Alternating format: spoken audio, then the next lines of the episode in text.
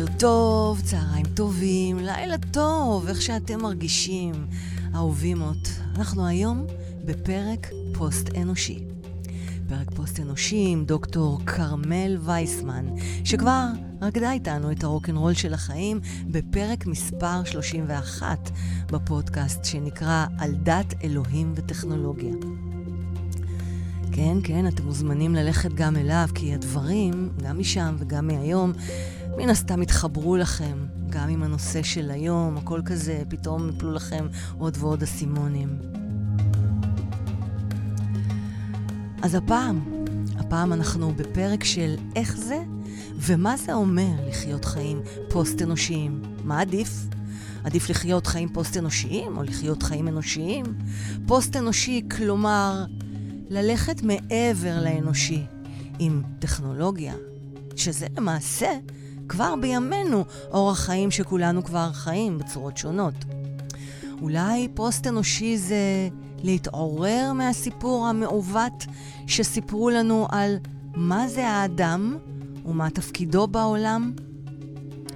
נדבר עם דוקטור כרמל וייסמן על מחשבה סייבורגית ומניפסט הייסבורג של דונה הרווי, שמדבר על ההבנה ששום דבר לא באמת ברור, מוגדר, ליניארי, טהור ונפרד. הכל בעצם עשוי מחלקי דברים. הכל טלאים. אין תשובה אחת. אין תשובה אחת מוחלטת. אין צדק אובייקטיבי, הכל מורכב. הכל בין לבין.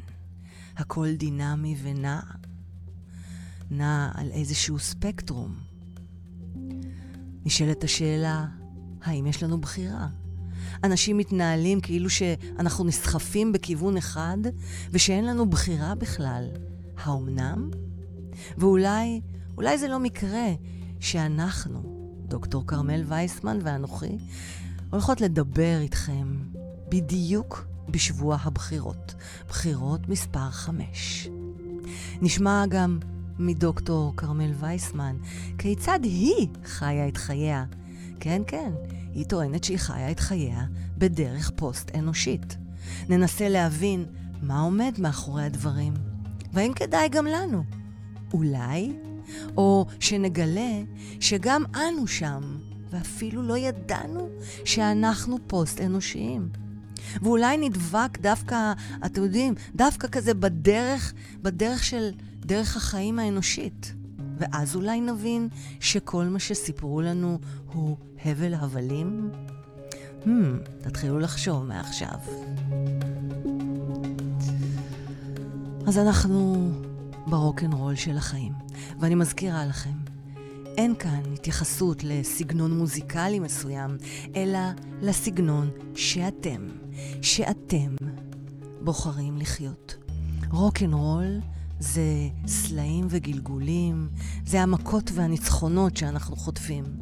זה גם העליות, גם הנפילות, שאנחנו מתוזזים ביניהם. ובסוף, כשאנחנו בוחרים לנצח, זה להמשיך ולרקוד את הרוקנרול בחיים. ומעכשיו, מי יודע, אולי גם בחיים בדרך פוסט-אנושית? פרק שיעיף לכם את הראש, את הנשמה, ובעיקר יראה לכם איך זה לחיות חיים פוסט-אנושיים בדרך הכי פוסט-אנושית שיש. הרוקנרול של החיים, פודקאסט מפוצץ השראה והתפתחות אישית בסגנון אחר, בהגשת פז מוסקוביץ', master coach לחיים ולבניית הרצאות ופודקאסטים. הופה, אז אנחנו מתחילים. דוקטור כרמל וייסמן, חוקרת תרבות דיגיטלית מאוניברסיטת תל אביב, ומגישת הפודקאסט, נחשו? המצב הפוסט-אנושי. אז uh, כרמל, לילה טוב, בוקר טוב, מה שלומך? ערב טוב, פז, ערב טוב לכולם ולכולן. איזה כיף לנו שוב להיפגש, אה? פעם הבאה גם פיזית אולי. כן, את מוזמנת. יום אחד. את מוזמנת תמיד, לא רציתי להציק לך לבוא, לבוא אליי, אז אמרתי, נו, פודקאסטרים, אנחנו רגילים לעשות את זה בדרכים רחוקות. בואי נצלול ישר לעניין, הרי uh, כבר, כבר חלק, חלקנו מכירים אותך מדת אלוהים וטכנולוגיה. שוב, לכו לפרק 31. תסבירי לי קודם כל, מה זה אומר לחיות בעידן פוסט-אנושי? אמרת לי גם, עוד יותר סיבכת אותי ואמרת לי, יש שתי משמעויות שהן הפוכות גם. אז בואי נתחיל רגע בפשוט, לבן האדם הסביר שלא מבין מה זה אומר, שאת חיה חיים פוסט-אנושיים. For God's sake, מה שנקרא. כן, אז בוא נסביר מה זה רגע, כי זה הדבר שבא אחרי פוסט-מודרניזם. וברור שאחרי כל הפירוק והבלגן והכאוס שהפוסט-מודרניזם יצר, אז הדבר שיבוא אחריו לא יהיה יותר מסודר, נכון? בגלל זה זה מלא משמעויות סותרות ובלגנים. אבל את יודעת, בפתיח שלך את הנגדת את זה עם האנושי, ואמרת, האם כדאי לחיות חיים כן, אנושיים? או זה או זה, נכון. כן, ואני אומרת, אני רוצה לטעון שאין יותר את האופציה האנושית. אנחנו לא נמצא, אנחנו מזמן כבר לא באמת חיים חיים אנושיים. שזה בכלל uh, מעורר uh, פרובוקציה אדירה, כי יבואו בני האדם uh, הרגילים ויגידו, מה, אני כולו רק ברשתות ובמחשב, כל היום עובד, אבל מה, איך את להגיד לי שאני לא חי חיים אנושיים, או לא חיה חיים אנושיים? כי זה לא רק בטכנולוגיה. כלומר, כשאנחנו מדברים על מה זה אנושי או מה זה אדם, זה נרטיב מסוים, זה סיפור. זה סיפור שסיפרו לנו, זה סיפור שמתחיל אולי בנאורות, במהפכה המדעית, לספר עם רוסו וכל מי שמגיע אחריו, ואנשים שמספרים לנו בעצם שהאדם הוא מיוחד, הוא שונה משאר החיות, הוא נמצא במרכז העולם, העולם נוצר עבורו, יש לו זכויות טבעיות. כן, אל, אלוהים, אלוהים יצר את, ה, את האדם אה, ואת כל היתר בשביל האדם. אז את, את צודקת שאת יודעת מה, בעצם אפשר לחשוב על התנ"ך mm-hmm. בתור ה, המסמך הראשון שמגיע עוד הרבה יותר מוקדם ואומר, האדם במרכז העולם בשבילו נברא העולם, למרות שיש בו גם מסרים סותרים, נראה, אולי יצא לנו לדבר על זה. כן. אבל מה שבאמת ממסד את, ה, את המסר הזה, זה דווקא המסר החילוני. פחות או יותר חילוני, כן, שהולך ומתחלן מאוחר יותר של רוסו וקאנט וכל הנושא הזה של הנאורות, שבעצם אומרים לנו מה זה בן אדם, מה הוא אמור לעשות בעולם, מה מגיע לו, איך הוא אמור לחיות. ואיפשהו נוצרו המשמעויות הללו, זאת אומרת, אנחנו חיים היום בעידן פוסט-אנושי בשני מובנים. אחד מהם אולי ממשיך את המובן הזה, אבל כבר לא בתוך העולם הזה בגלל הטכנולוגיה. זה באמת המובן הסטנדרטי שדיברת עליו בהתחלה, שבעצם כש... ברגע שאנחנו התחלנו להשתמש בטכנולוגיה בצורה שהיא מעבר לכלי, זה לא mm-hmm. רק כלים שעוזרים לנו, זה משהו שמשנה את מהו אדם, זה משנה את החיים שלנו בצורה רדיקלית. Mm-hmm. אם אנחנו הכפלנו את תוחלת החיים שלנו פתאום, אנחנו מתנתקים הרבה יותר מהטבע ו- ומה שהיה אמור להיות. התערבנו הרבה יותר בחיים שלנו. התערבנו ו- ב- ב- בדבר הטבעי, את מתכוונת? בואי ניקח לדוגמה אותי, אוקיי? אז אני, האם אני, מכיוון שאני חיה בזכות מכונה וטכנולוגיה מתקדמת, האם אני חיה חיים פוסט-אנושיים, או אני חלק מה... איך היית מגדירה את זה? בהחלט. במובן הראשון הזה של הפוסט-אנושי, mm-hmm. את חיה חיים פוסט-אנושיים, כי בעולם ה... האנושי כפי שהוא תוכנן, ותזכרי למשל את uh, העולם שהיה כאן לפני מאה שנה, העולם הביולוגי, האוגני, כן, כן שאנשים כמוך uh, לא היו אמורים להמשיך לחיות לפי האוגני, כזוכרת? כבר בגיל 12, כן. כן, אז... לפעמים אני אנחנו... תוהה, אולי עדיף, את יודעת. מה... אנחנו חלילה, גם... חלילה. אנחנו, לא ספציפית עליי, אבל מבינה, ברמה ה... ברמה, ברמת המקרו אולי היה עדיף. אנחנו מתפוצצים באוכלוסין, בבני אדם, יש לנו אסונות טבע. איפה, איפה זה פוגש אותנו עכשיו, החיים הפוסט-אנושיים, והאם הם בכלל לטובתנו? אז בואי רגע שוב נזקק, מה זה חיים פוסט-אנושיים? אז אנחנו עדיין בעצם במובן הראשון שאומר, אנחנו לא הביולוגיה שלנו. אנחנו בעזרת טכנולוגיה יכולים להתנתק מהביולוגיה, כן. לקחת את גורלנו בידינו, מהביולוגיה והטבע, כן?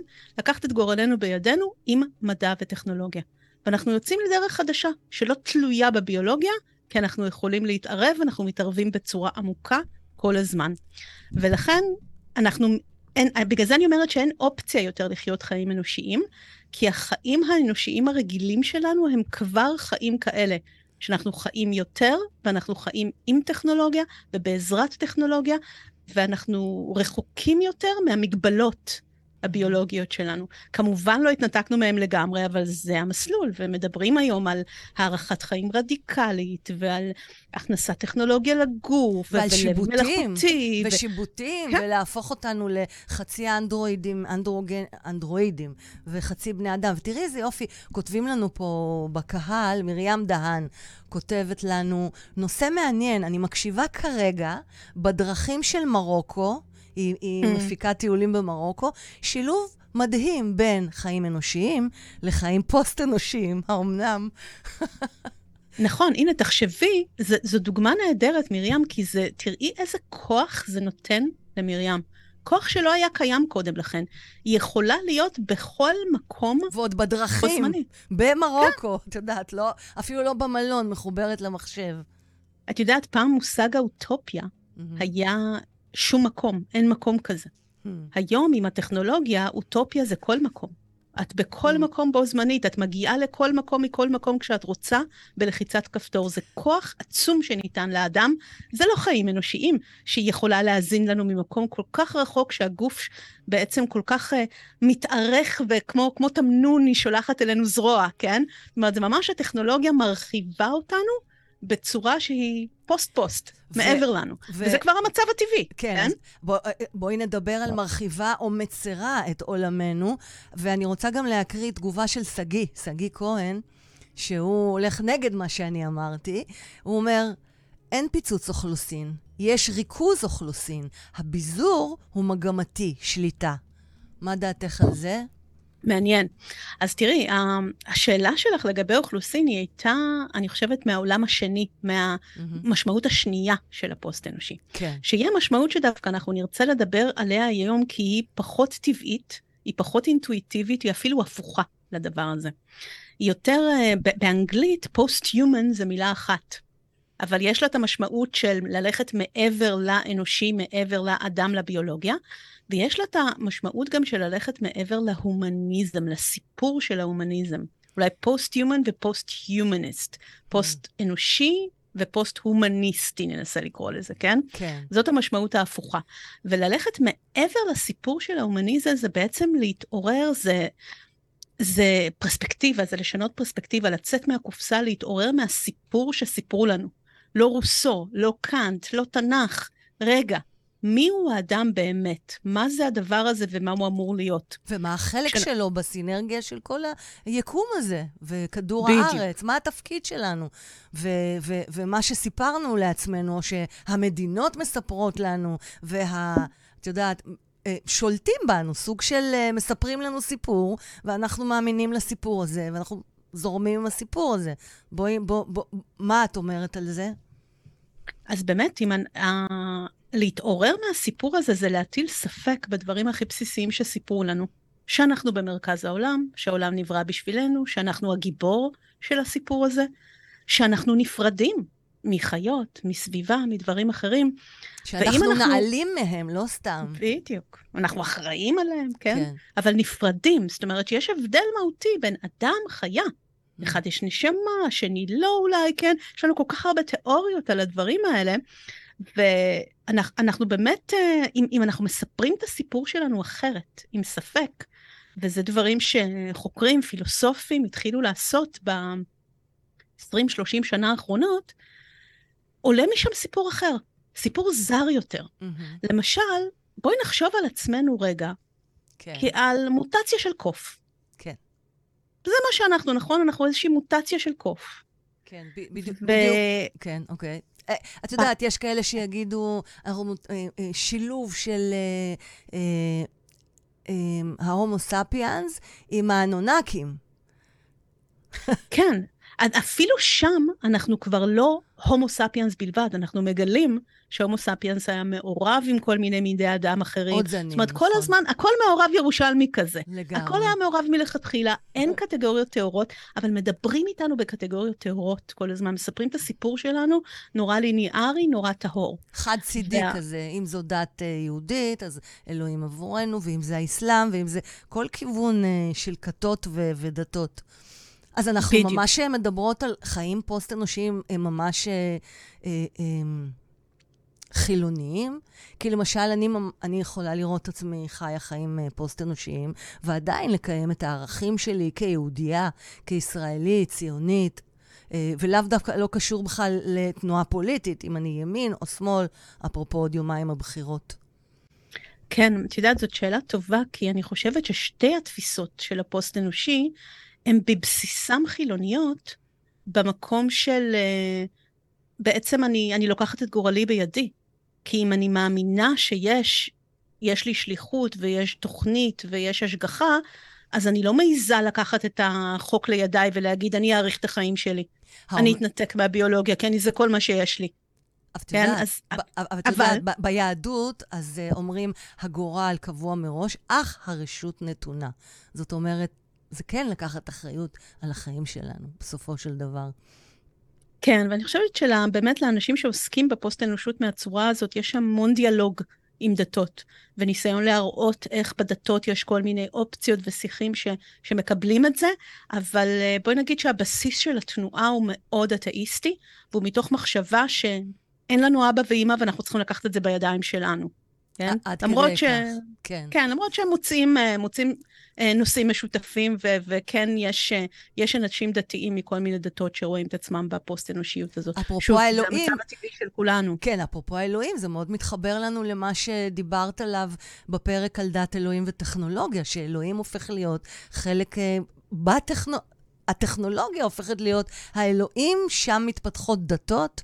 זאת אומרת, כן יכול ללכת עם גם חיים פוסט-אנושיים, פתאום. נכון, חושבת נכון, זה. זה, ממש מת, מתערבב היום. אבל במובן הזה, הפוסט-הומניסטי, אני חושבת שהוא יותר חילוני במהותו.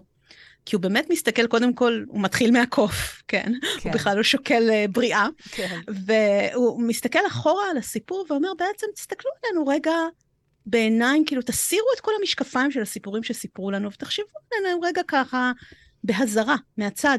אנחנו איזשהו מין של קוף, מוטציה של קוף, שהלכה לה ככה לאיזשהו מקום אחר, והיא לא הייתה כל כך, היא לא הייתה החיה הכי חזקה בטבע, או הכי מפותחת, או הכי מעניינת. אם היא הייתה נשארת כמות שהיא, יכול להיות שהיינו נכחדים, כי חיות יותר חזקות וחכמות בג'ונגל היו אוכלות אותנו בלי מלח. מה שהציל לנו את התחת, אומרים כן. הפילוסופים האלה, כן. זה טכנולוגיה. מדהים. איכשהו אנחנו הצלחנו מ- לתפוס אבן, לארגן חנית. בדיוק. כן, נכון, יש גם- האש ולשפשף את שתי האבנים. ו... בדיוק. תחשבי, מה- אנחנו שלטנו באש. לגמרי. זה היה שזה- יתרון מטורף. כן. מה, מה, מה באמת גרם לקוף הזה שהתפתח מעט, אה, לפתח את הטכנולוגיה הזאת, להבדיל מחיות אחרות שלא פיתחו את הטכנולוגיות הללו? אז מה, אז, אז האם באמת יש בינינו הבדל? זאת שאלה מעולה. את יודעת, בפוסט-הומניזם לא אוהבים להראות יותר מדי את ההבדל שיש בינינו לבין חיות, אז דווקא מראים הרבה מחקרים של איך חיות אחרות כן פיתחו טכנולוגיה מורכבת. וואו. עורבים משתמשים בטכנולוגיה, בונים, בונים סכרים. זאת אומרת, יש, נכון, יש חיות וואו, נכון. שמשתמשות יפה מאוד בטכנולוגיה. דולפינים. אפילו על, דולפינים, נכון. אם תחשבי אפילו על חיות, ה, חיות הבית שלנו, חיות העיר, מהמם. הן לומדות להסתדר עם הטכנולוגיה העירונית. נכון. כאילו, זה בשבילם מדהים. טבע. ממש לומדים להסתדר עם זה. יפה, אז, אה, אני- יפה, לא חשבתי אני על חושבת ש... זה. כן, מהמם. אין כזה הבדל, אבל בכל זאת, אם, אם לחשוב על זה שאנחנו הלכנו טיפה יותר רחוק עם הטכנולוגיה, אז uh, בואי ניתן לך תיאוריה פוסט-הומניסטית אחת מאוד מאוד רדיקלית של למה זה קרה דווקא לנו, לכי היא על זה. באמת טכנולוגיה. קיצונית. כן. כן, זה, זה טכנולוגיית המימטיקה של סוזן בלקמור, שזה איזשהו פיתוח על, אה, על הרעיון של הגן האנוכי של ריצ'רד דוקינס.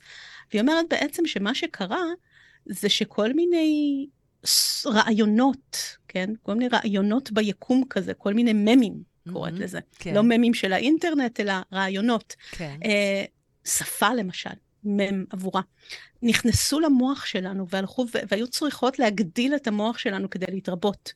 ואז המוח שלנו הלך וגדל וגדל וגדל עד למצב שכמעט היה סיכון ללדת וקשה ללדת יצור עם כזה מוח. וזה עיצב אותנו כבני אדם, שאנחנו צריכים גם להישאר יותר עם הילדים האלה כדי לעזור להם לפתח את המוח, בעוד חיות אחרות נוטשות את הגורים בשלב יותר מוקדם. והם לומדים מהר הסיפור... מאוד להסתדר, הגורים, להבדיל כן. מתינוקות כן. בני אדם. מדהים. כי המוח הגדול והמורכב שלנו דורש טיפול אחר, והמוח הזה נוצר לדעתה אך ורק mm-hmm. כדי לאכלס המון המון רעיונות ושטויות, שפשוט mm-hmm. ראו בנו מדיה ונכנסו דרכנו, ולכן אנחנו הפכנו ליותר uh, מתוחכמים. אני לא יודעת אם זה מתוחכמים, אפשר להסתכל על זה גם כעל עיוות מטורף שקרה לנו, כן? שהמוח שלנו מתמלא בשטויות. אני רוצה לשאול משהו, כרמל. אה, מקס, שלום. מקס, שלום, וואו, וואו. היי, כרמל. היי, מקס. אז, אז רציתי לשאול שני דברים בהקשר uh, הישיר, יש לי בערך uh, אלף שאלות, אבל אני אתאפק. אז קודם כל, um, הט- הטכנולוגיה. אז, אז uh, בדרך כלל, לפי מה שאני שמתי לב, הדברים המאוד מאוד בסיסיים ופשוטים, הרבה פעמים משפיעים, uh, כמו דברים שאנחנו אפילו לא חושבים עליהם, שהם, uh, זה למשל כמו האגודל שלנו. ש, שמאפשר לנו להחזיק דברים. שגם לקופים הוא לא כזה מתקפל. כלומר, הוא לא כזה אה, לעומתי. הוא אולי יכול להיסגר אצלם אה, עם האצבע, אבל אצלנו הוא ממש יכול להיסגר חזק. זאת אומרת, ה- היכולת שלנו להחזיק אה, אפשר לנו להשתמש בטכנולוגיה. נכון, אפשרה לנו להשתמש אחרת, אבל הנה, אנחנו הצלחנו להשתמש אחרת בצורה שנתנה לנו יתרון. Okay? אוקיי? יכולנו להשתמש ולעשות כל מיני דברים נורא מעניינים, וזה לא היה נותן לנו יתרון. אני חושבת שזה מדהים שבונים בונים זכרים, ומשום מה זה לא נתן להם יתרון אבולוציוני בין המינים, כן? אז נראה לי שהעיוות המאוד ספציפי שלנו התחבר מאוד טוב עם, ה, עם הטכנולוגיה הזאת, ובצורה שהצלחנו okay, אוקיי, להגיע אז... למקום הראשון ב, אז זהו. מרוץ המינים הזה, כן? הרעיון הזה שאת אמרת, אה, לגבי הרעיונות, שהם משתמשים בנו כמדיום, mm-hmm. אני מאוד מתחבר לזה, אבל הרעיונות האלה, מאין הם באו? זה חולשה...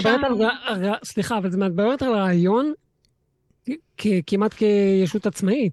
נכון, זאת חולשה מאוד מעניינת בתיאוריית המימטיקה של בלקמור, שהיא כאילו אומרת, אה, זה כמו גנים, זה כמו שתשאל אותי מאיפה הגן בא. הרי אנחנו מדברים על הגן האנוכי. אנחנו מדברים עליו בשפה הזאת שנותנת לו האנשה, למרות שאין לו תודעה, אבל פשוט זה כמו איזה וירוס, זה כמו איזה חיה כזאת שרוצה להתרבות, להתרבות, להתרבות ולשכפל את עצמה, והיא דוחפת למקום הזה. אז בלקמור רואה ככה גם רעיונות תרבותיים ושפה, זה פשוט איזה ישות משתכפלת כזאת כמו וירוס, וברגע שהיא נכנסה למוח שלנו, היא כאילו הדביקה אותנו, התרבתה שם, והיה צריך להגדיל את המוח. זאת אומרת, היא ממש מציירת איזושהי תמונה כזאת שהיא מאוד, אה, מאוד מוזרה וזרה, ובגלל השפה שלנו זה נשמע כמו האנשה. אבל נראה שאין אין סוכנות כאן, אין ישות כאן באמת. פשוט אין לנו שפה לדבר על דברים שהם לא ישות. אנחנו מענישים אותם באלף, כן? באלף, כן. וואו. אז, אבל אני מספרת לכם את זה כדי שתבינו כאילו שיש איזה דרך לספר את הסיפור שלנו שהיא הרבה יותר זרה. היא הרבה יותר בזום אאוט, היא הרבה פחות מפרגנת לנו. מסתכלת עלינו כאילו בעיניים כאלה של אוקיי, מה באמת קרה? בואו נסיר את כל הסיפורים של האדם, האדם השווה, ונראה מה באמת קרה לנו. אנחנו היינו חיה לא להיט, והיו לנו כמה מוטציות ייחודיות, שהן גם קצת מופרעות, וקשה להשתלט עליהן, וסיכנו אותנו מאוד באבולוציה. יכולנו למות ו- ולהיכחד כבר עם המוח הענק הזה, גם צריך לדעת מתי להפסיק, כן? ו- ורק הטכנולוגיה הצילה אותנו. ולכן הפילוסופים הפוסט-הומניסטים טוענים שאנחנו בכלל מין היברידי. Hmm. Okay? אוקיי? זאת אומרת, הסייבורג, להגיד סייבורג זה לא עכשיו, זה לא דבר חדש של בן אדם שמתחבר עם טכנולוגיה ויש לו לב מלאכותי.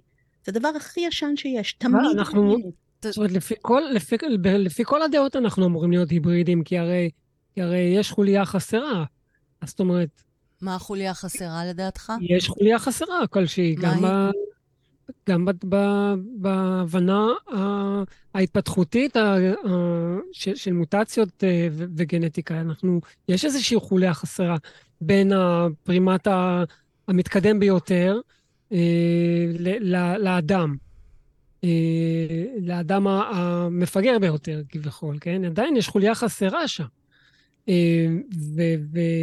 ושם יש איזה, איזשהו קפיצת דרך שצריך להסביר אותה. כן, אז אני לא חושבת שהתיאוריות האלה מנסות להסביר אותה, אלא להגיד בעצם שתמיד היינו סייבורגים במובן שהתלות שלנו בטכנולוגיה הפכה אותנו למי שאנחנו. אנחנו מראש קוף נקודה, קוף מקף טכנולוגיה, אוקיי? Okay? אנחנו מראש דבר כזה, זאת אומרת, יש בנו מהחיה, אנחנו איזשהו סוג של חיה, חיית אדם, ואנחנו, מה זה בן אדם, מה זה אדם, מה זה אנושי, זה החיית אדם הזאת בסימביוזה עם טכנולוגיה.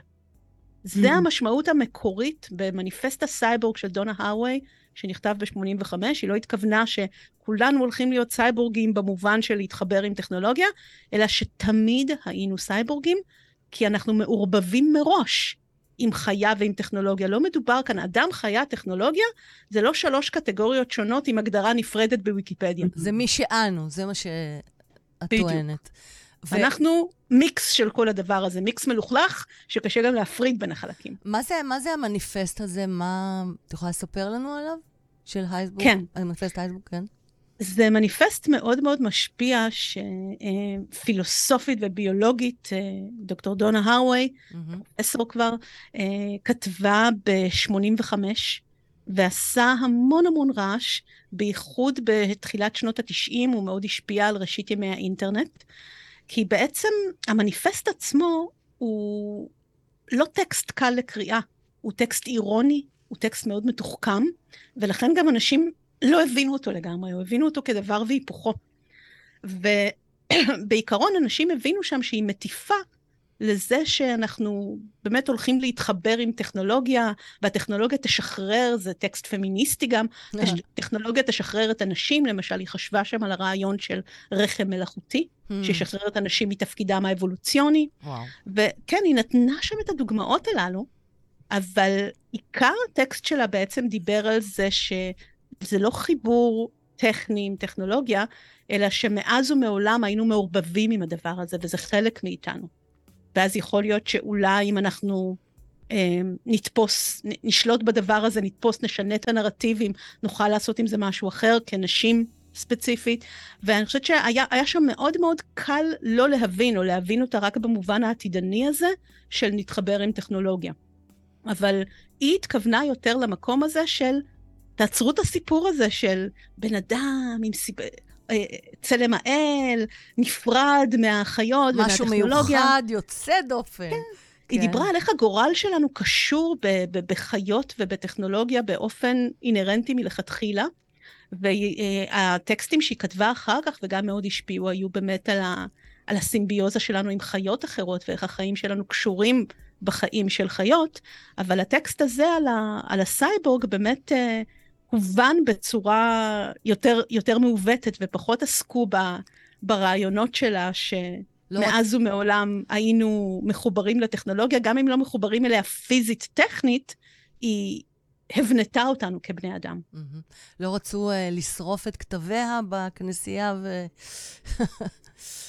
רצו לשרוף את כתביה בהרבה מקומות, אני חושבת. כן. זאת אומרת, היא אפילו הסתבכה עם התנועה הפמיניסטית באותו זמן, כי היא יצאה נגד הדת האלה והחיבור של הפמיניזם לטבע, היא פתאום מביאה את העניין הזה של הטכנולוגיה. מדהים, כן? מדהים. טבע, טכנולוגיה מעורבבים, אנחנו חיה אחרת ממה שחשבנו, ו... היא ממש יצרה זרם חדש בפמיניזם, שקראו לו אחר כך סייבר פמיניזם, כן? ואם אני, אני לוקחת את זה רגע אלייך, לפן האישי שלך, כרמל, אה, את יכולה, הרי איך זה, איך זה, איך, איך גיליתי את זה עלייך בכלל? ואני לא קראתי את המחקר שעשית, ועשית לא מעט מחקרים, ואת מרצה על זה.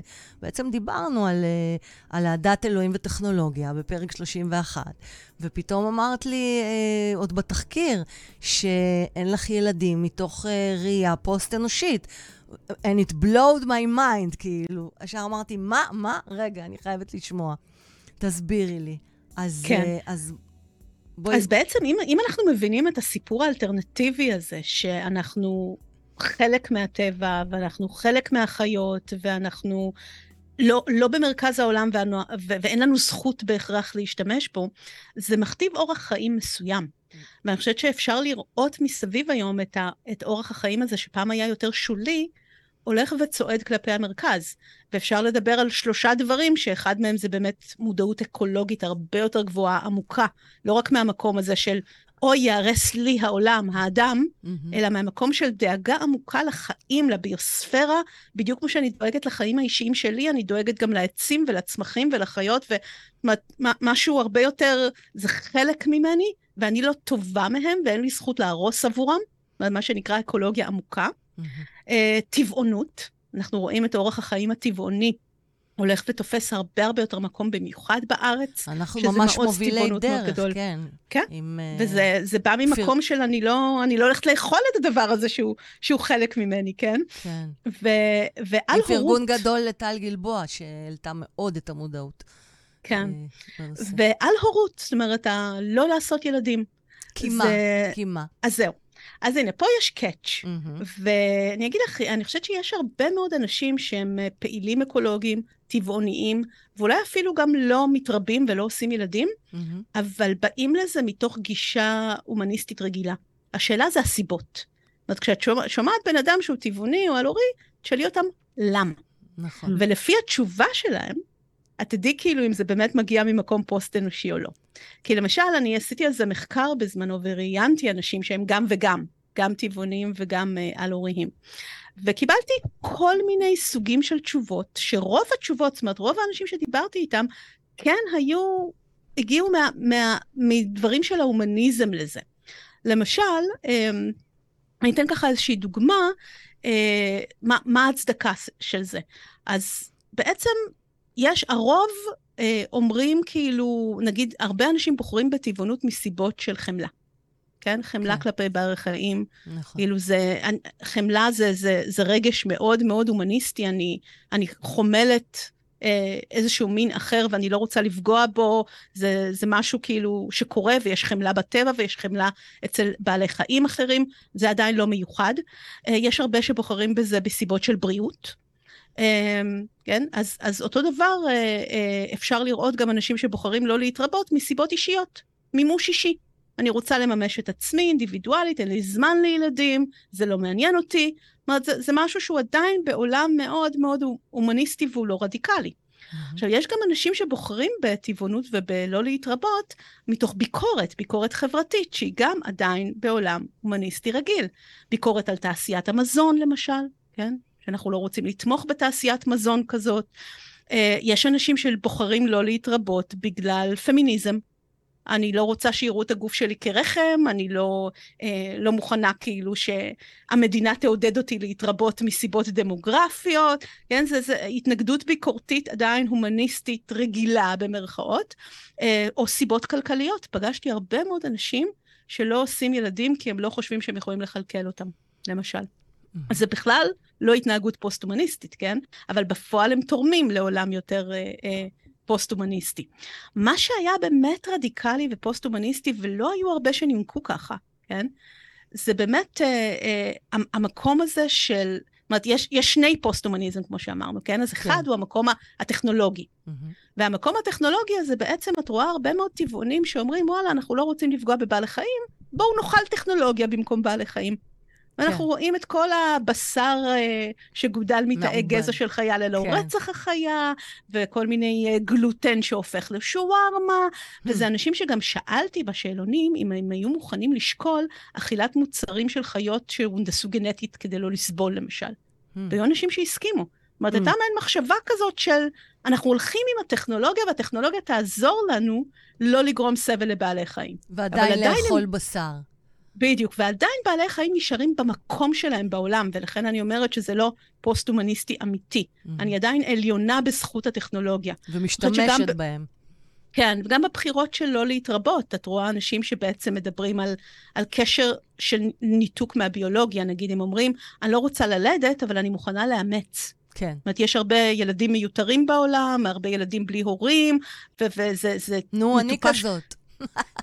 כן, זה קצת, את יודעת, זה כמו שאומרים אה, לאמץ כלב ולא לקנות. נכון. נכון? משהו כזה, זאת אומרת, כאילו, לכו תאמצו, אל תלדו. כן. וזה זה, זה שיח מאוד... זה, תצילו את כן. מי שכבר נולד בעולם הזה. בדיוק, זה שיח מאוד יוצא דופן, והוא הוא פוסט אנושי ברמה הזאת, שהוא באמת, אה, אני יכולה להיות אימא בלי קשר לביולוגיה. אז וואו, ההתנתקות אני הזאת חשבתי- מהביולוגיה. אז זה- פוסט אנושי מבחינת, עכשיו פוסט- אני מבין. וואו, מדהים. אז אנחנו, אנחנו די חיים, חיים פוסט אנושי. פוסט אנושי. במובן הראשון עדיין, המובן כן? הראשון, כן. אה, כן. לא, זה אמרת שזה המובן השני. הראשון כן, זה לא, זה, זה, המובן, הטכנולוגי. זה המובן הראש, הראשוני, הטכנולוגי, קשור להתנתקות מהביולוגיה. מהמם, ברגע שאני רואה את עצמי במקום שהוא מנותק מהביולוגיה, אני יכולה להיות מעל הביולוגיה, מהמם. אני לא נשלטת על ידי דחפים ואילוצים אבולוציוניים. אני אהיה אימא בלי אינסטינקט, אימא היא. אז, אז זה, פוסט אנוש, זה סוג של פוסט אנושי, אבל זה קשור לעולם הטכנולוגי. כן, אנחנו לא באמת נשלטים על ידי איזשהו דחף טבעי להתרבות. אני כופרת בהשפעה של הביולוגיה ת- עליי, זה מה שאומרים אנשים כאלה. תראי מה הרצי שוורץ כותבת לנו, אומרת. את עליונה. אמרנו שאנחנו הרי לא עליונים, אז היא טוענת דווקא את עליונה, כי יש לך תודעה ואת יכולה לחשוב. טכנולוגיה זאת אחת מההתבטאויות של זה. עכשיו היא גם מוסיפה, את לא מעל הביולוגיה, את בוחרת במה להתמקד. מרים ממשיכה להתכתב איתנו ממרוקו, כותבת, העולם זקוק כן. לרחמים, בהחלט. אז זה, זה באמת מעניין, כי כאילו השיח הזה של אני עם הטכנולוגיה עוזבת את הביולוגיה מאחור, ככה הוא מתבטא בסיפור הזה. של, של ילדים למשל, או של טבעונות. אז אני יש פה אוכל משהו טכנולוגיה. מהפכני, יש פה משהו מהפכני במה כן. שאת אומרת. את בעצם אומרת שכל אה, עמידה בפני יצר סלש יצר הרע, היא על-אנושית, היא פוסט-אנושית. יצר הרע, אני לא יודעת אם הייתי קוראת לזה יצר אני, הרע. אני במרכאות, בגלל זה עשיתי אה, במרכאות עם הידיים. יצר. עזבי, כן. יצר הרע זה כבר דיון אחר, אבל, אבל אה, בעצם כל עמידה בפני יצר, היא מה? היכולת להתעלות מעל הטבע שלנו, הטבע, הביולוגיה, נחשבת פוסט-אנושית. ופה יש קשר בין הדתות לבין הטכנולוגיה. ואתם רואים שבעצם גם הדתות איפשהו ניסו לחנך אותנו להתעלות מעל, מעל הטבע שלנו. יש פה קשר. כביכול, עכשיו, כן, להיות אנושי. נראה לי שההבדל הוא שהדת מנסה לחנך אותנו להתפתח למקום הזה, והטכנולוגיה אומרת, עזבו, אני אקצר לכם את הדרך, את לא צריכה להשתנות. את אוכלת אותו בשר, הכל בסדר. את לא צריכה לעשות כלום. אני Mm. אחליף לך, אני אקצר לך. את ו- לא באמת מתפתחת. אז, אז איך זה מתחבר לעל הורות, כרמל? אני מתח... אוקיי, אז הנה, אז זה, זה, זה באמת מעניין המובן... אותי, כי שתינו בחרנו לא ללדת ילדים. אה, אני אימצתי אה, את, את קובי לשלנו, שהיה חייל בודד, והוא ילד שלנו לכל דבר, אה, ואת אה, בחרת ממש להיות על-הורית. בואי תסבירי לנו. כן, אז זהו, אז הסוג האחרון בעצם, הפוסט-הומניזם של העל-הורות, מגיע באמת מתוך איזושהי תפיסה שוויונית כזאת רדיקלית בין כל החיות. וזה האנשים האלה ששמים בפייסבוק ממים כמו, אין לנו ילדים כי החתולים שלנו אלרגיים אליהם. יואו, גדול, לא ראיתי את זה, אבל זה גדול. מכירה את זה? לא, זה יש גדול. כל מיני ממים כאלה. כי הם, הם רוצים בכוונה להגיד כזה, הם כאילו... רוצים להתריס. כן, הילדים הם לא... הם לא חייבים העניינים, להיות הם לא הכי אנשים. חשובים. אה, דרך אגב, ילדים חשובים. ב- ב- ילדים חיות, לא חייבים ילדים בני אדם. מי, מי קבע שחייבים? נכון, יש ילדים חיות. בדיוק, זה, זה אה, על הורות פוסט-אנושית. לא, למשל, לא, לא מזמן, אני, אני, אם אני יכולה לתת עוד דוגמה, אה, מקס, אתה סיפרת לי על אה, מקרה של אישה בקוריאה, שמאוד התגעגעה לכלבתה האהובה שהלכה לעולמה, ולקחו את ה-DNA של אותה כלבה.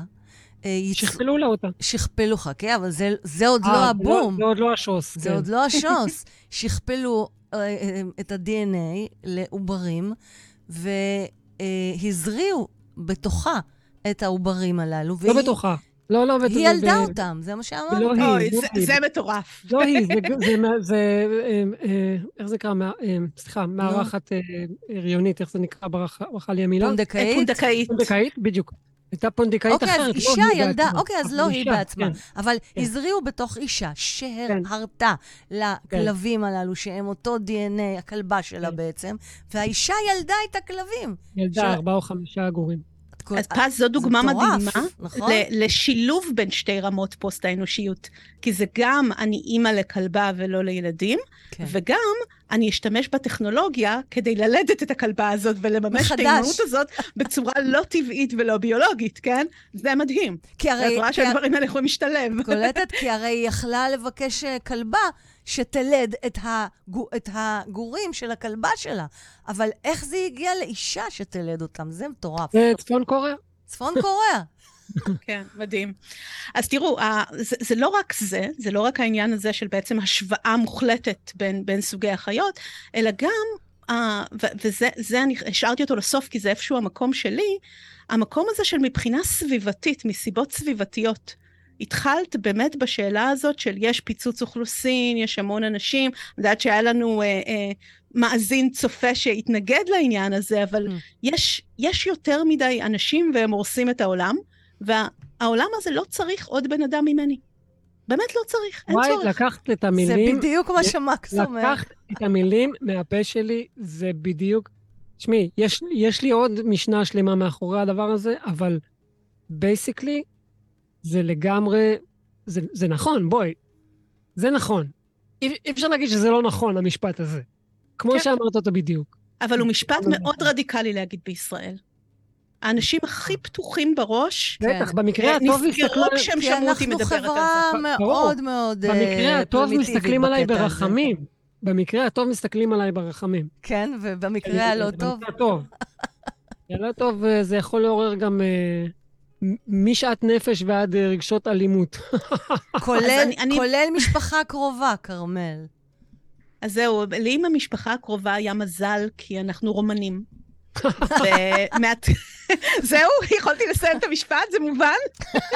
הכל ברור, כי גם כן. אני חצי רומניה, וגם אני. גם אתה, אז- נכון. אז ברומניה של צ'אושסקו, שאני גדלתי בה בשנות ה-70, אוי, איפה היית כשישבתי שם בכלא, בתור ילדה בת תשע? וואו! ברומניה של צ'אוצ'סקו. אני חייבת להביא לך את הספר שלי. יש לי שם פרק שלם על זה. חשבו אז- שאימא שלי היא מרגלת מוסד, ואני הסיפור וואו. כיסוי, כן. איזה סיפורים יש לך, טירוף. ליטרלי, ישבנו בכלא. אבל אז זה, רגע, איך זה קשור באמת? זה, זו הייתה מדינה מאוד מאוד ענייה.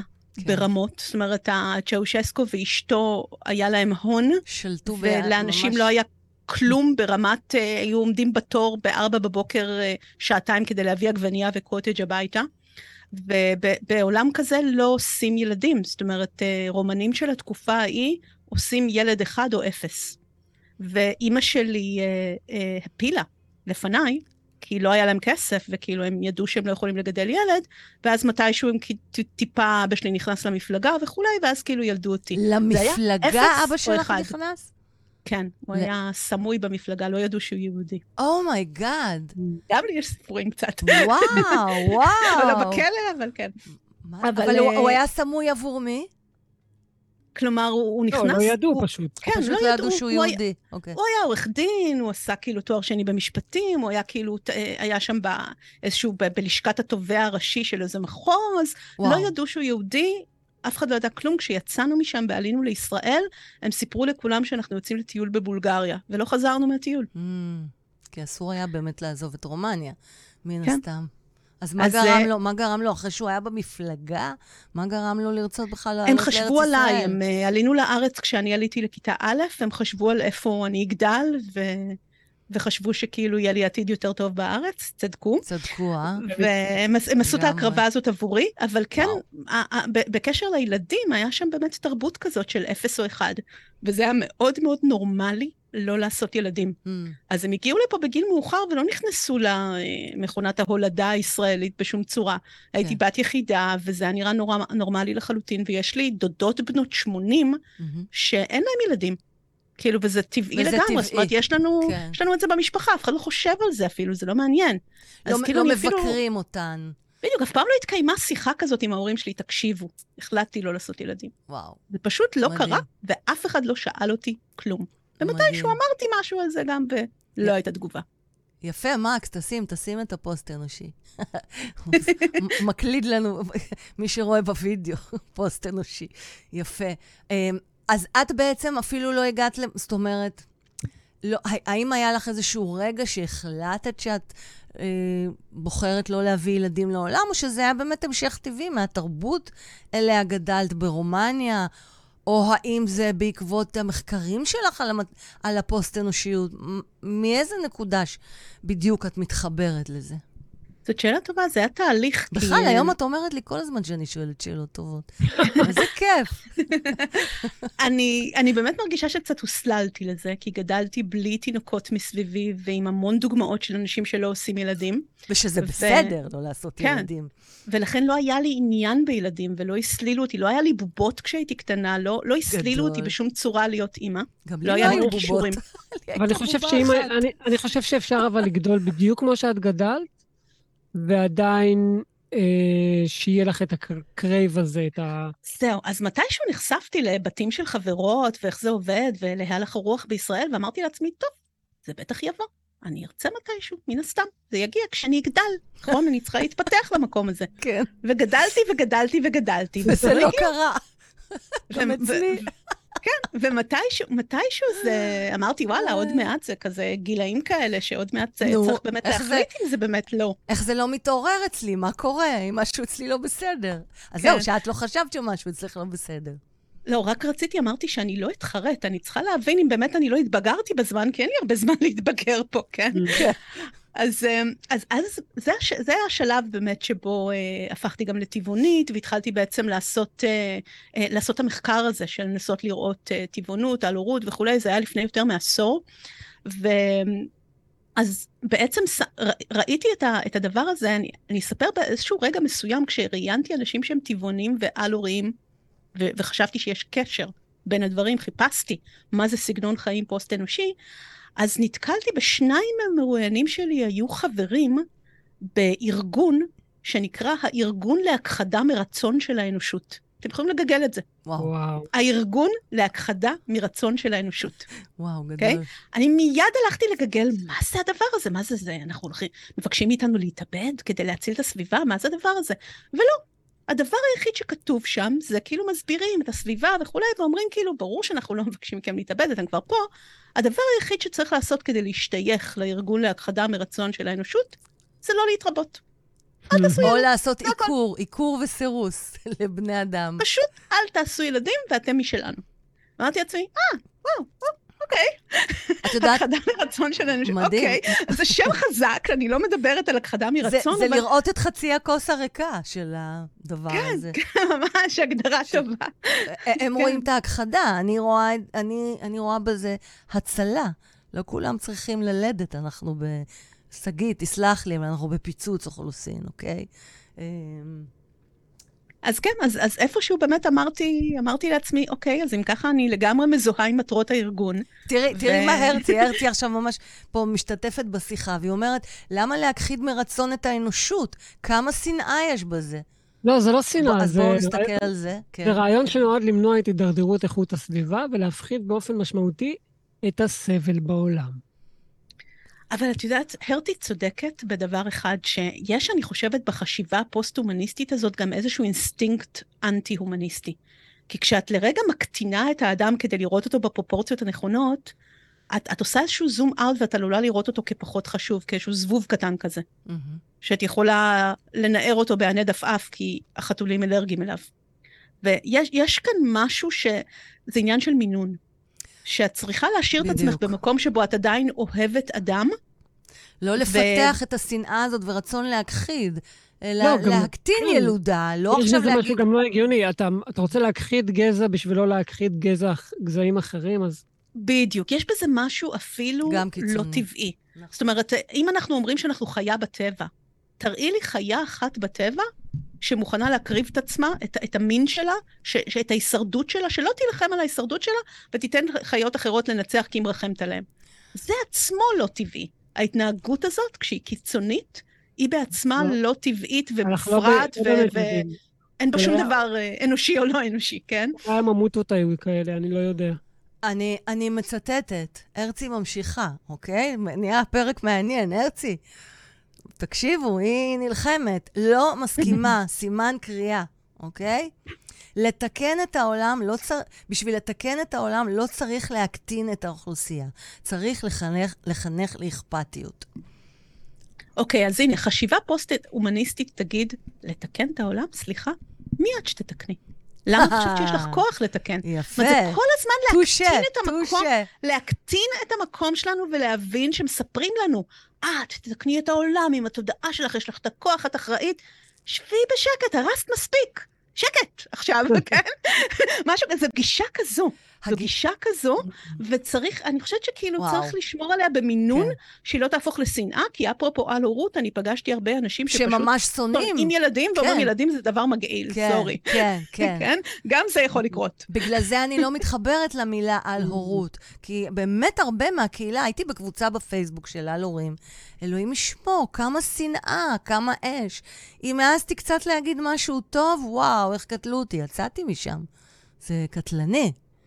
כש... זה מעניין, זה באמת, יש כל כך כל כך הרבה עמדות. יש, אה, אני נתקלתי בעל הוריים שעובדים עם ילדים, שנורא נהנים לעבוד עם ילדים, פשוט לא רוצים ילדים משלהם.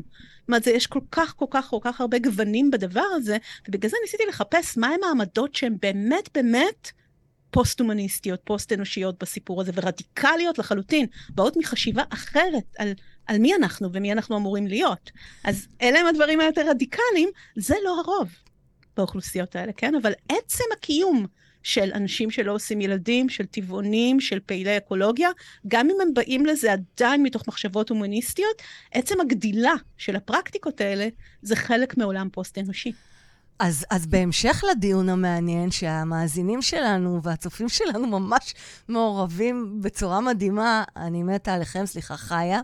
אז, אה, אז, אז מרים, זה בסדר לך שאני מערבת אותם, אה, כרמל? בטח, בטח, בכיף. כיף, נכון? אז uh, בהתחלה, במהלך ה... מה שדיברנו, מרים כתבה, מרים דהן ממרוקו, כתבה, אם לא היו מעריכים את תוחלת החיים באופן מלאכותי, לא היה פיצוץ אוכלוסין. אז שגיא כרגע מיד עונה לה, רגע, רגע, חכו שאני אספיק את כולכם, אז שגיא עונה. הכל מבוסס ניסויים וטעייה. סך הכל הפארמה מרוויחה מהערכות חיים מלאכותיות, לחלק זה ייראה כמו ווין ווין. איך זה קשור לדיון שלנו? זה מעולה. כי זה מביא אותי באמת לבחירה, שאמרנו שאני או, חושבת שיש נכון. לנו בחירה נכון. מאוד מאוד גדולה היום, שהיא לא הבחירה הפוליטית הנקודתית של מה יהיה בעוד יומיים בישראל, אלא היא בחירה הרבה יותר רחבה של איך הולך להיראות העתיד שלנו, והוויכוח הזה הוא בדיוק מראה של זה. כי אנחנו נמצאים היום בעידן שבו אנחנו צריכים לחשוב איזה מין סייבורגים אנחנו רוצים להיות. כן. כן? האם אנחנו הולכים להיות הסייבורגים האלה שנותנים לטכנולוגיה להמשיך להציל אותנו ולהמשיך להאריך את חיינו ולעזור לנו להתעלות מעל כל טבע וביולוגיה ולהגדיל אותנו? ומתנגדי ו- החיסונים, כמו שגיא, שאני מכירה אותו גם אישית, אה, יגידו, ואני אני לא שופטת אף אחד, אני רק אומרת דעות, יגידו להפך, עושים אותנו סייבורגים והורגים אותנו עם כל הפארמה והחיסונים והכסף. לא, לא, לא, רוצים לא. אני- לשלוט אני- אני רק- עלינו. אני חייב הערת ביניים לדבר הזה, אוקיי? חישוב פשוט, זה לא איזה משהו... זה צריך להיות ממש... אה, זה לדעת או להבין, בשביל להבין ש... אה, זה לא משרת אותם, להפך. את הפארמה משרת שאתה תחיה הרבה שנים, אוקיי? אבל מצד שני, יש פה... מי שמשלם לפארמה זה בדרך כלל לא אתה. זה בדרך כלל הביטוח שלך. ולביטוח שלך זה לא משרת שתחיה הרבה שנים. כאילו זה לא בדיוק כמו שזה נראה, זה לא אחד לאחד. זה... כן, אתם מכניסים קצת גם אינטרסים כלכליים, אבל אם נכון. נחשוב על זה לרגע, אנחנו, אנחנו רותמים את המדע ואת הטכנולוגיה כדי להאריך את חיינו. אוקיי? גם המחשבה של החיסונים הייתה כאילו, בואו נציל אותנו ממגפה, כן? זאת אומרת, זה לא בגדול, בגדול, יש פה כל הזמן רתימה ל- להאריך את חיינו ולשרוד מעבר לטבע, מעבר למה שאנחנו אמורים, אוקיי? אז האם אנחנו נאחזים בטכנולוגיה בלי להשתנות, בלי לשנות את התודעה?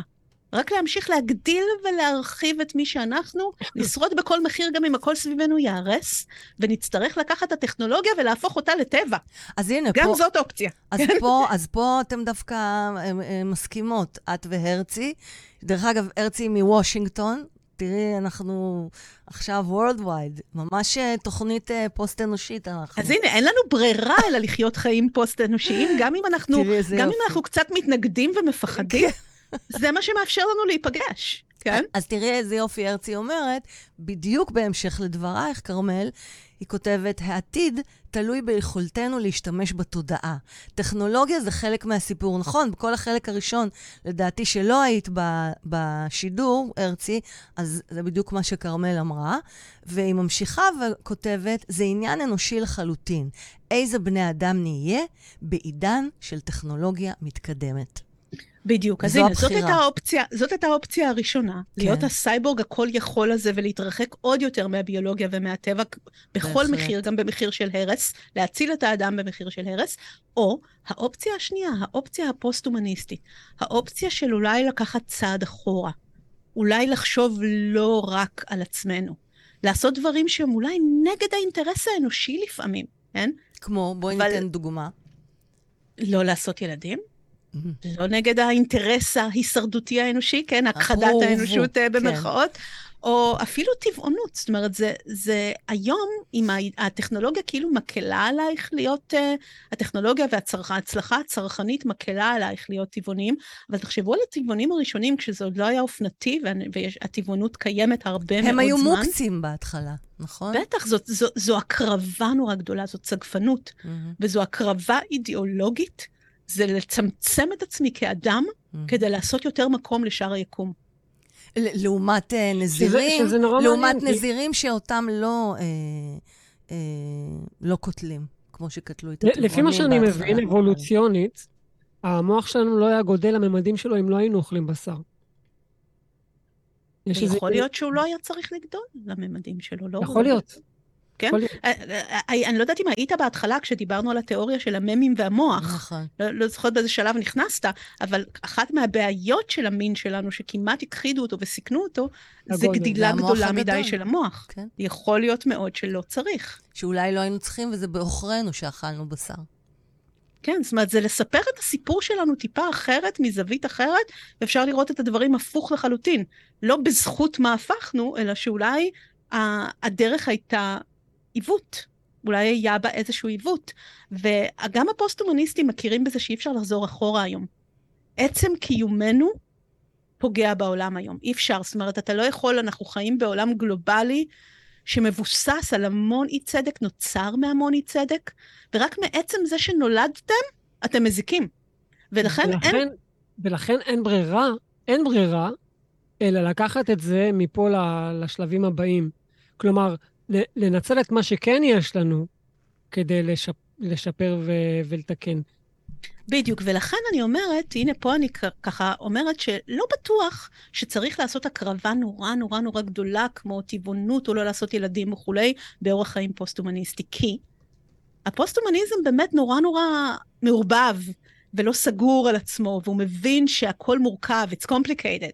זה אומר כאילו בעצם בגלל שאנחנו מראש, עצם קיומנו הוא פוגעני, אז אין גם בחירה מוסרית טהורה שאנחנו יכולים לעשות כדי לבטל את זה. ובעולם כזה שבו הכל קשור בהכל, אז יש בחירות שנגיד מטיבות נורא עם בעלי החיים, אבל אולי מזיקות במקום אחר. זאת אומרת, אי אפשר באמת להיות קיצוני בעולם כזה. לכל תחליף טבעוני יש את המחירים שלו. גידול שקדים פוגע באוכלוסיית הדבורים, גידולי אורז פולטים מתאן לאטמוספירה. אכילת טופו וסויה פוגעים בשדות הסויה, ויש על זה נכון, סיפור חלב אה, קוקוס וקינוע פוגעים כן. בסביבה ובאוכלוסיות מוחלשות בפרו ואינדונזיה, כן. ואין לזה סוף. ואני חושבת שבסופו של יום זה, ה- ה- לחיות חיים פוסט-הומניסטיים זה להבין שיש פה בלנס, ואולי הדרך הנכונה זה לא להיות קיצוני באף צד, כי אז אתה תורם לברדק, אלא למצוא ככה דרך האמצע של אריסטו כזה, איזושהי דרך אמצע כזאת בין לבין, לשחק. עם הגבולות. את יודעת מה זה ברדק, דרך אגב, ומאיזה שפה זה מגיע? לא. אוקיי, okay, לא. ברדק, אה, רגע של אה, טריוויה קטן. ברדק בטורקית זה בית זונות. תודה רבה, בואו נמשיך. וואו, כמו בורדל. כן, אוקיי. אז ברדק. אז אה, אוקיי, אז אני, אז אני חייבת לשתף שקצת יצאתי מבולבלת כרגע. זאת אומרת... סימן שהסברתי נכון. כי, כי מה? אם זה היה ברור, נכשלתי במשהו, כי זאת לא תפיסה ברורה. אוקיי, אוקיי מצד אחד, אני, כאילו, אני מנסה רגע לש... לדבר על הפשט, אוקיי? נכנסנו לעומק, בואו נעשה רגע את הפשט. Uh, לחיות על פי הגישה האנושית, שווה חארות. אנחנו חארות, אנחנו קקות, אנחנו חושבים רק על עצמנו. אנחנו, אנחנו חושבים את עצמנו. חושבים את עצמנו לגמרי. זאת אומרת, אנושי שווה נורא ואיום. שדרך אגב, זה, אני מדברת על זה הרבה עם אלוהים במונולוגים לאלוהים, בפודקאסט אה, הנוסף שלי, שהוא בכלל פינה פה ברוקנרול שאחראים הלייב, אז אני מדברת איתו הרבה, כאילו, מה חשבת לעצמך? למה, איזה DNA קקה שמת לנו שאנחנו קוטלים, שאנחנו רוצחים? ש... הרי לא סתם כביכול כתבו את עשרת הדיברות, אם, אם היינו כל כך טהורים וטובים. אז זו הגישה האנושית. אנושי שווה לנורא ואיום. והפוסט-אנושי הוא הנאור, המתקדם, המתחשב בכל העולם, בכל... לא, ה... לא, לא, לא, לא, לא. פוסט-אנושי לא אוהב להגדיל את עצמו בשום צורה. הוא אומר פשוט, אנחנו מספרים לעצמנו סיפורים. שבהם אנחנו הגיבור הראשי. אבל אנחנו לא. בואו נתנסה רגע בלשים את עצמנו בתפקיד הסיידקיק. או לראות שבאמת אין גיבור ראשי בסיפור. זה כזה כמו משחקי הכס, מלא גיבורים. הסביבה והחיות והזה, ובסוף כולם מתים בפרק תשע. כאילו, לספר סיפור יותר מורכב, להבין שהכל מורכב, אין תשובות מלאות. כמו שאמרנו בהתחלה, כמו שאמרנו בפתיח שלך. כן. אין צדק, אין תשובות מלאות, אף אחד לא צודק, אין אמת אחת. הכל נורא נורא מורכב, ומה שאנחנו צריכים לראות כל הזמן, זה איך אנחנו בונים לעצמנו את המשחקי גבול. שזה מאוד הומני, אוקיי? שזה מאוד הומני לחיות כך ולחשוב כך. אז את, אני חושבת שאת צודקת בזה שיש משהו הרבה יותר אנושי, לא שאנחנו יודעים מה זה, כן. אבל יש משהו יפה, בואי נגיד. בדיוק. יש משהו יפה וראוי mm-hmm. בלחיות בצורה כזאת, יותר ראוי מהסיפור שסיפרו לנו על האדם הנאור עם הזכויות הטבעיות שלו. נראה לי. וואו, איזה יופי, איזה יופי. זה ממש כזה נותן לנו closure. יש בזה ענווה. יש בזה ענווה. הרצי אומרת, אני לא קקי. בואי, הרצי. את היום... את היום ביתר רגישות, הרצי, אנחנו לא מדברים עלייך ספציפי, אלא על בני אדם באשר הם. שגיא, נגיד, מתייחס למרים, שאומרת, אנחנו צריכים למצוא דרכים לחיות ביחד, או הרצי, אני כבר לא עוקבת מי כתבה מי כתבה את זה? הרצי, כן. מתוך uh, אכפתיות, לדעת להסתדר, uh, להפסיק מלחמות וכולי. אז שגיא עונה, We are on our way there. והרצי אומרת, אני לא קקי. אנושיות זה אומר להפעיל את החמלה. אבל לא, מסתבר שלא רק, הרצי, אוקיי? מסתבר שיש עוד פנים וצדדים לאנושיות. אה, להפעיל את החמלה והאהבה בנו במקום אה, אה, להרוס, זה להפעיל את התודעה שלנו כדי למצוא דרכים לחיות מתוך אחווה, אחווה ולא מלחמה. אבל איך באמת עושים את זה? צריך לחיות חיים פוסט-אנושיים, לשם זה... כך. אני חושבת שזה מאוד מאתגר לחיות, לחיות חיים פוסט-הומניסטיים. זה יותר קל לחיות את החיים האלה עם הטכנולוגיה, כן? אבל הסוג חשיבה שאני מנסה להראות, שהיא חשיבה מבלבלת ומבולבלת. ממש. זה, אני, אני מאוד מנסה לחיות אותה, וזה הופך אותי, אני חושבת שזה מה שהופך אותי לאקדמאית, כי כאילו אין לי, אין לי דעות. Hmm. שואלים אותי כזה בדעתי בכל מיני דברים, זה תלוי. צריך לראות, צריכה להסתכל על זה. אני רואה, אה, אני רואה את הנקודה שלך, אני רואה גם את הנקודה שלך. אני מאוד מאוד אוהבת את האמרה ההודית, כל, גם שעון עומד מראה את השעה הנכונה פעמיים ביום. ביום. ואני חושבת גדול. שכאילו אני מנסה לה, להרכיב שעון בצורה כזאת, וגם בידיעה שלא יהיה לי ולא יהיה שעון שלם, אבל אם אנחנו מסתכלים על פוליטיקה למשל, פוסט-הומניסטים הם לא שמאלנים בגלל שהם uh, חושבים על כל הדברים שדיברתי עכשיו. דווקא מבינים שהעולם מורכב. העולם מורכב מבן גביר, והעולם מורכב מרשימות ערביות, וזה העולם שלנו ביחד, ויהיה איזשהו תמהיל של זה. וזה יהיה מעניין, אופה, אופה. קצת להסתכל זה... מהצד ולהסתכל כזה, אוקיי, מעניין מה התמהיל הזה יעשה, ויהיה מעניין לראות איך אחד, אחד מקצין, או הקיצוני פתאום מתמתן, ואיזה מין יחסים רגע, רגע, אבל מה שאת אומרת נורא מעניין. אז פוסט-הומניסטים, פוסט-הומניסטים לא, לא, לא לוקחים אה, אה, יוזמה ו, ומובילים לאנשהו? בגלל שמסתכלים נורא נורא מהצד וזה מורכב, אני חושבת שכאילו פוסט-הומניזם אמיתי לא באמת מסוגל לנקוט עמדה. כאילו, כי זאת לא תהיה שמאלני. שעה אחת בשעון. אז זה לא שמאלני. אני, לא, ואני כן רואה, כאילו, אני כן רואה אנשים בשיח הפוסט-הומניסטי שמבחינתם פוליטיקה פוסט-הומניסטית זה שמאל רגיל, שמאל ווק כזה אמריקאי, ואני חושבת שהם מפספסים שם. Mm. כי לא היה צריך גישה פילוסופית חדשה לחלוטין כדי להיות שמאל ווק אמריקאי. Mm-hmm. אני חושבת שהגישה הזאת היא בדיוק להיות באיזשהו מקום שהוא מחוץ לתמונה, ויכול לראות כאילו שהתמונה עצמה היא מורכבת, הגבולות שלה זזים כל הזמן, בדבר שנראה רע יכול להיות פתאום יתרון משום מקום, בדבר שנראה טוב יכול להסתבר כרע, זה מסקרן, ו- וזה תמיד מורכב. וכל תנועת ה-woke, אוקיי? ה-woke ותנועת ההתעוררות, למי שלא מכיר, אה, האמריקאית, ושמשתלטת all over, גם אצלנו בארץ, תנועת ה-woke ותנועת ה-PC, הפוליטיקלי קורקט, אה, היא מאוד, בעיניי, היא לא פוסט-הומניסטית.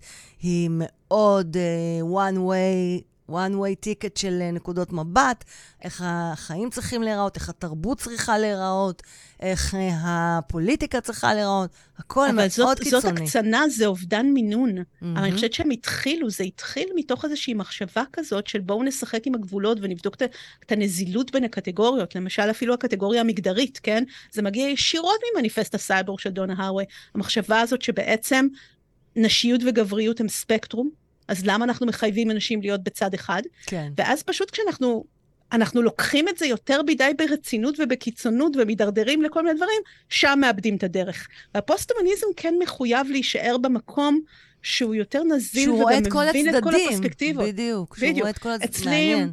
אצלי בפודקאסט יצא לי כאילו... זה, יש לי חוויה כזאת שכל פעם שאני מראיינת מישהו או מישהי שיש להם דעות חזקות, mm-hmm. אני נורא מזדהה איתם בזמן שאני מראיינת אותם, והאמת שלהם נראית נראית לי הכי אמיתית, ואז אני צריכה כאילו לקחת, זום אאוט כזה, כן. ולחשוב כאילו דרך אנשים אחרים, וזה יצא לי אפילו, ראיינתי את גדי טאוב לאחד הפרקים. אופה. וממש כאילו ישבתי והבנתי אותו, והבנתי כן, את, ה, כן.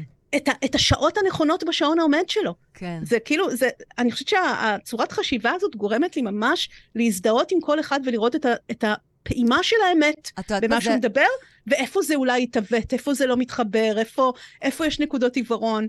וזה קורה לי המון גם, זה קורה לי המון. וגם עכשיו כשאני מאזינה לך, וגם כשאני מאזינה, גם שמעתי אה, אה, אה, הרצאה של גדי טאוב לא מזמן, ופתאום הוא נורא שכנע אותי על כל הימין שהוא כזה, את יודעת, לוחם למענו, ואני בכלל לא ימנית ואני לא שמאל, אבל כשאני מקשיבה לשמאל, אני מבינה אותם. כשאני מקשיבה לימין, אני מבינה אותם. הכל פתאום נורא לי, בדיוק, נראה לי מאוד ברור. בדיוק השעון שהיא מדברת עליו, זה מדהים. ואז זה, בעצם... זה מומין אז... על חתיכה מהפאזל. כן, כן. בדיוק. כן. את מאוד מאוד בזום אאוט בדבר הזה. Mm-hmm. ולכן נורא נורא קשה לגב... לגבש דעות, ואני הרבה פעמים כאילו פשוט מצביעה או מחליטה לפי מה שנכון לאותו רגע, ודברים יכולים להשתנות. אני חושבת שאף פעם לא הצבעתי לאותה מפלגה בבחירות אחרי בחירות. כאילו מעניין. זה, וכאילו יש, יש תקופות שבהן אני אומרת, אוקיי, אני, אני אשתלב במקום הזה בפאזל. כרגע. תראי, תראי. ופעם יש... הבאה זה יכול להשתנות לחלוטין.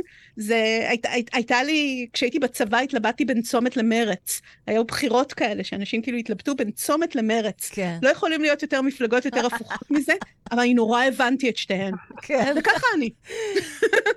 ארמל, אז... אני מאחל לך לחיות 900 שנה, כי נראה לי שרק בלייפספן כזה, את תוכלי באמת ליהנות מהגישה הזאת? ממש אבל ליהנות מהגישה הזאת, ואולי אפילו להגיע למסקנות שגם השתנו פעם במאה שנה, אבל את יודעת. אני לא חושבת, מקס, אני חושבת שאני ארכיב. את חושבת? כן, אני חושבת שאתה יודע, אם, אם אני חושבת על הכן שיש לנו איזשהו חיבור לטבע, יש איזשהו מקום שממנו הדרך היא למטה. הייתי רוצה דווקא לשבור בשיא, ואני לא יודעת מה השיא. עכשיו, הפחדת אותי עכשיו, ממש. אני לא יודעת אם השיא הוא 90 או 120, אבל וואלה, לא הרבה, לא לנצח, לא נראה לי. זה נורא מפחיד אותי. מה? כן, אבל אני בטח אחרי השיא שלי, אני מפחדת. לא, אבל זה מאוד קבלי. לא, לא, לא, לא, את לא אחרי השיא שלך. זה מאוד קבלי, כאילו, זה כאילו, זה מאוד קבלי. היום הקהל שלנו פשוט מעורב, אני לא יכולה להתעלם מהם, אז אני חייבת לשתף אתכם. זה נושאים אמוציונליים נורא, כן. ממש. טל אופק כותב, אבל זה כי השתלבת כרגע בפרק, אוקיי? אז אולי תאזין לפרק שיעלה לפודקאסט ביום חמישי ותקבל תשובה, אבל בכל זאת אני אעלה את שאלתו של טל, טל אופק. אשמח לשמוע מי הם ההוגים הפוסט-הומניסטיים שכרמל מסתמכת עליהם לאפיון העמדה הזו. אז דיברנו על אז זה. כן, דיברנו קצת על דונה האראוויי ומניפסט הסייבורג, שהיא נכון. באמת אה, מתחילה את הדבר הזה, אבל אולי אני אזכיר גם את אה, האבא. היא האימא של הדיסציפלינה, אבל האבא זה ברונו לטור, פילוסוף שנפטר ממש לפני שבועיים. וואו. וכן, אז, אז איפשהו בין דונה האראוויי לברונו לטור, ברונו לטור אה, היה באמת אחד הראשונים שטענו שמעולם לא היינו מודרניים. וכל המודרנה זה איזשהו סט של הפרדות בין דברים שלא נפרדים אלה מאלה. והאם כן. באמת אפשר להפריד פוליטיקה מטכנולוגיה, מספרות? זאת אומרת, הוא ממש ממש ניסה ככה לערבב חזרה את העולם, מתוך מחשבה שהוא תמיד היה מעורבב. זה קצת מסר אחר מהסייבורג, ב- בכוונה אחרת, אבל הם אומרים אותו דבר. זאת אומרת, העולם של קטגוריות נפרדות וברורות, וזה צודק וזה טעה, ונורא נורא ברור, כאילו, מה קורה כאן, הוא עולם אשלייתי. וכשאנחנו מסכימים לנרטיבים אנחנו מתעלמים מהמון המון דברים והמון המון קשרים שקיימים, לא רק מתחת לפני השטח, אלא לנגד לא- עינינו. כן, גם פי- פיזיקה, היקום לא בנוי ככה. נכון, הכל קשור. כן, הכל כן, קשור וזה והכל מעורבב. וזה בדיוק ההפך מהתגובה עכשיו של שגיא. שגיא ממשיך ואומר, אומר לנו, לא צריך להכניס פוליטיקה, זה מצג שווא. דמויות מומצאות של הממסד הן העמדת אלטרנטיבות חלופות למטריקס הפיקטיבי, על מנת להשאיר את האדם מחושף וממוגנט. הרים לך להנחתה, כרמל. פוליטיקה כמערכת, כן, הוא מהמם. מדבר, אבל אני מדברת כש, כשלטור אומר לא להפריד פוליטיקה מטכנולוגיה וכולי, אלא פוליטיקה במובן הרחב, כן, שאלות אידיאולוגיות וכולי.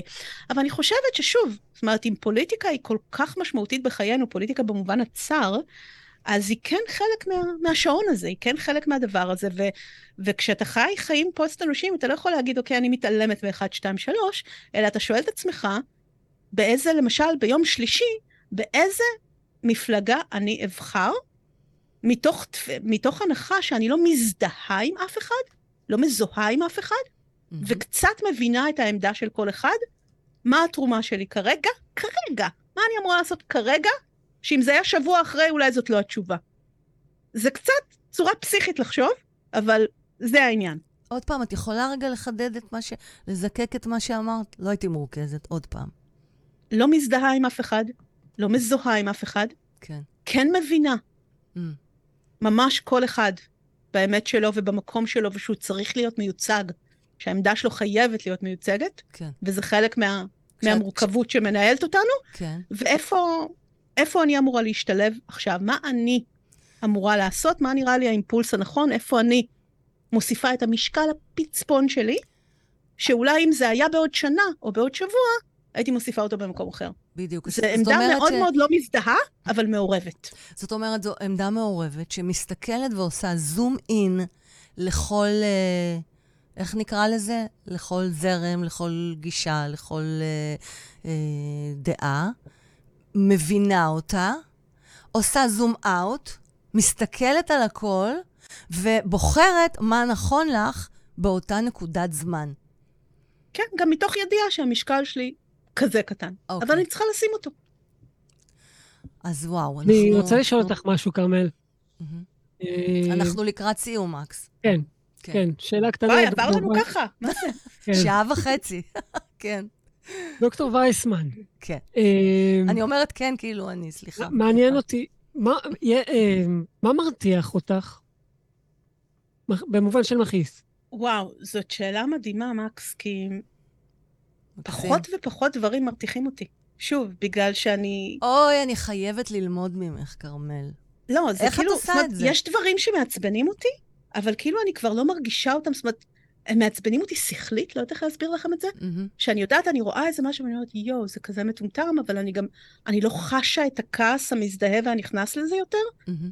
זה כאילו, אוקיי, זה העולם. איך את מצליחה לעשות את זה? זה בדיוק למה אני שואל את זה, כי זה, כי זה, כי זה ההרגשה שאני מקבל ממך. סוג של... אה, אתם יודעים, אני, אני, אני אענה על זה בצורה אחרת דרך מישהו אחר. לפני יותר מעשור פגשתי את דיפק צ'ופרה כשהוא ביקר כאן בישראל. פגשת אותו באופן ככה- אישי? כן, היינו קבוצת וואו. חברים שהוא פגש אותנו, ו... היינו אה, בהרצאה שלו ב- בנוקיה. כן, אז, אז אנחנו ככה פגשנו אותו באיזשהו, היה לו איזשהו אינטרס להיות מקושר לאיזה פילוסוף, ואנחנו היינו קבוצת למידה Mm, של הפילוסוף הזה, אז הוא בא להרצות בפנינו בחינם, והוא דיבר איתנו, מדהים. ואחד המשתתפים שאל אותו, למה יש רוע בעולם? למה נראה שהרוע תמיד מנצח? איך אתה מסביר את הדבר הזה? אם אתה מדבר כל הזמן על האופטימיות ואלוהים ואיזה יופי והתפתחות וזה. כן. שאלה טובה. ואמרתי, וואלה, שאלה מורכבת, מה הוא יענה? והתשובה שלו ממש הפתיעה אותי, והיא נשארה איתי הרבה מאוד זמן. וכאיזשהו מנחה ואולי תשובה עבורך, מקס. הוא אמר, אתם צריכים להבין שהמאזן בין כוחות הטוב והרע, או יותר נכון לקרוא להם כוחות הפירוק וכוחות הבנייה, הוא תמיד 4-3 לטובת הבנייה, לטובת האור. זה כמו משחק כדורגל, שהכל תמיד תמיד 4-3. ואיך אני יודע שזה 4-3? כי העולם קיים. גדול. גדול. זאת אומרת, אם, אחר, אם זה היה אחרת, העולם לא היה קיים. אז כשאתם מרגישים שהכל רע, Mm. והכל מטומטם, וכולם. סביבכם אידיוטים, תדעו שאתם פשוט נמצאים כרגע בשלוש, והפרספקטיבה שלכם צרה, אתם רואים את השלוש. אבל נכון שכל עוד האדמה לא רעדה והעולם קיים סביבכם, סימן שיש את הארבע, ואתם יכולים לעשות זום אאוט, ולבחור להיות חלק מהארבע. ולראות את הארבע סביבכם. וזה מה שאני עושה כשמשהו מעצבן אותי. למה דווקא 4-3 אגב? לא יודעת, זה מה שהוא בחר, אבל זה, זה זה יפה, לא כי זה סתם. להראות כאילו תמיד, יש כל הזמן מאבק וביחד זה שבע, דינמי, שזה מספר טיפולוגי. זה איזשהו מאבק דינמי? ו- ויש כן. תמיד אחד יותר, רק אחד. מדהים. אז קל להתבלבל ולשקוע במראה השחורה, כן? אבל כל מה שצריך זה זום אאוט, ודבר שאני מנסה לתרגל זה זום אאוט, זה מה שפוסט-הומניזם עושה. איזה יופי. חייב להיות בזום אאוט על המציאות. אוי.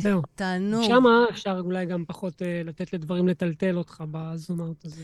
תענוג. ובאמת, אה, לקראת סיום, אה, לפני השאלות המסורתיות של הרוקנרול של החיים, אז רציתי לשאול אותך עם איזו תוצאה תרצי שהמאזינים והצופים שלנו יצאו מהפרק הזה. אבל עכשיו נתת לנו כזאת תובנה מדהימה ממה שסיפרת, אם תרצי. קודם כל, זה באמת, זו. כבר תוצאה, זה משהו לזכור שינחה ברגעים קשים, לזכור שזה 4-3, כן? לי זה מאוד מאוד עוזר לחשוב. דרך זה. לא חשבתי בחיים שדיפק צ'ופרה יעזור לי, תמיד חשבתי שהוא כזה איזה פייק כזה, שהוא רק אה, מתרגם אה, כל מיני יוגים אה, בלתי תקשורתיים. למה יוגים? ממש אני- מאוד אני- לי אני עושה את. המדיטציות שלו כל צהריים, כרמל, כן, כן, סוד מסתבר קטן. שיש בו משהו. כל יום בשתיים בצהריים, אני לפעמים עם דיפק צ'ופרה, לפעמים עם גואנקה ג'י, כל מיני, ואני לא יוגיסטית. אבל נראה לי שיותר חשוב כאן להבין שבאמת, יש לנו בחירה. זאת אומרת, יכול להיות שאנחנו לא כאלה, זאת אומרת, אנחנו, המשקל שלנו לא גדול, אבל אולי ביחד, כשכל אחד עושה את הבחירות הקטנות בחיים שלו, בחירה קטנה, קטנה, קטנה, אפילו שאומרים לנו שהיא לא משפיעה. יאללה, כבר משבר האקלים, לא השקית הקטנה שלי זה מה שיעזור. אבל איפשהו, אם כל אחד עושה את הבחירות הקטנות שלו, מה הוא כן עושה, מה הוא לא עושה, איפה הוא עוצר, איפה האיזון שלו, איפה הוא לא מקצין. רק לא להקצין אפילו, זה כבר תורם לעולם. לא שום דעה קיצונית, לא לטוב, לא לרע, לא ימין, לא שמאל, לא כלום, אוקיי? איפשהו, איפה שאנחנו יכולים להלך במורכב, יש לנו בחירה ואנחנו תורמים לאיזה משהו קצת, קצת יותר טוב בדבר הזה, וכן יש לנו בחירה. כי אני חושבת שכשאנחנו רואים את עצמנו כיחידים מול הכוחות הגדולים, כלכליים, טכנולוגיים, פוליטיים, לפעמים זה נראה כאילו שלא משנה מה נעשה, לא יקרה כלום. אבל אם כולם, בגלל שהרבה מאוד אנשים חושבים ככה, אני חושבת שבאמת לא קורה כלום. אם כל אחד ייתן את המשקל נוצה המסכן שלו, לא רק כדי להרגיש טוב, כן? לא רק כדי להרגיש טוב עם עצמם. אולי משהו יקרה. נהדר. קסום, כל מילה נוספת, אה, רק תהרוס. מה שנקרא, נפרוש בשיא. אה, תודה, תודה, דוקטור כרמל וייסמן. תודה. לכם, היה כיף שוב לבקר אתכם. תודה רבה. ולקהל הנפלא. ממש, תודה לכם, קהל נפלא, אתם כיכבתם, ואת ודש למרוקו שם, לגמרי. בוושינגטון. ו... מוזמנת להגיב אה, לכולם ב, ב, כן, ב, אני תכף בפרק. אבדוק את זה, אם כבר ככה כן. הגבנו באונליין, אבל נבדוק אם יש עוד דברים. כן, כן. אז uh, באמת תודה. שאלה אחרונה שאני חייבת לשאול אותך גם היום, מה הדבר הראשון שתגידי לאלוהים שם למעלה, ואלוהים גם יכול להיות פוסט אה, אנושי, את יודעת. ידעתי שאתה קיים. יש. תודה רבה. אתם מוזמנים גם לעקוב אחרי דוקטור כרמל ויינסמן בפודקאסט שלך, אה, המצב הפוסט-אנושי. ולהאזין גם לפרק 31, דת, אלוהים וטכנולוגיה איתך. תודה רבה, היית מהממת, כמו תמיד. תודה, מרתקת. הרוקנרול של החיים, פודקאסט מפוצץ השראה והתפתחות אישית בסגנון אחר, בהגשת פז מוסקוביץ', מאסטר קואוץ' לחיים ולבניית הרצאות ופודקאסטים.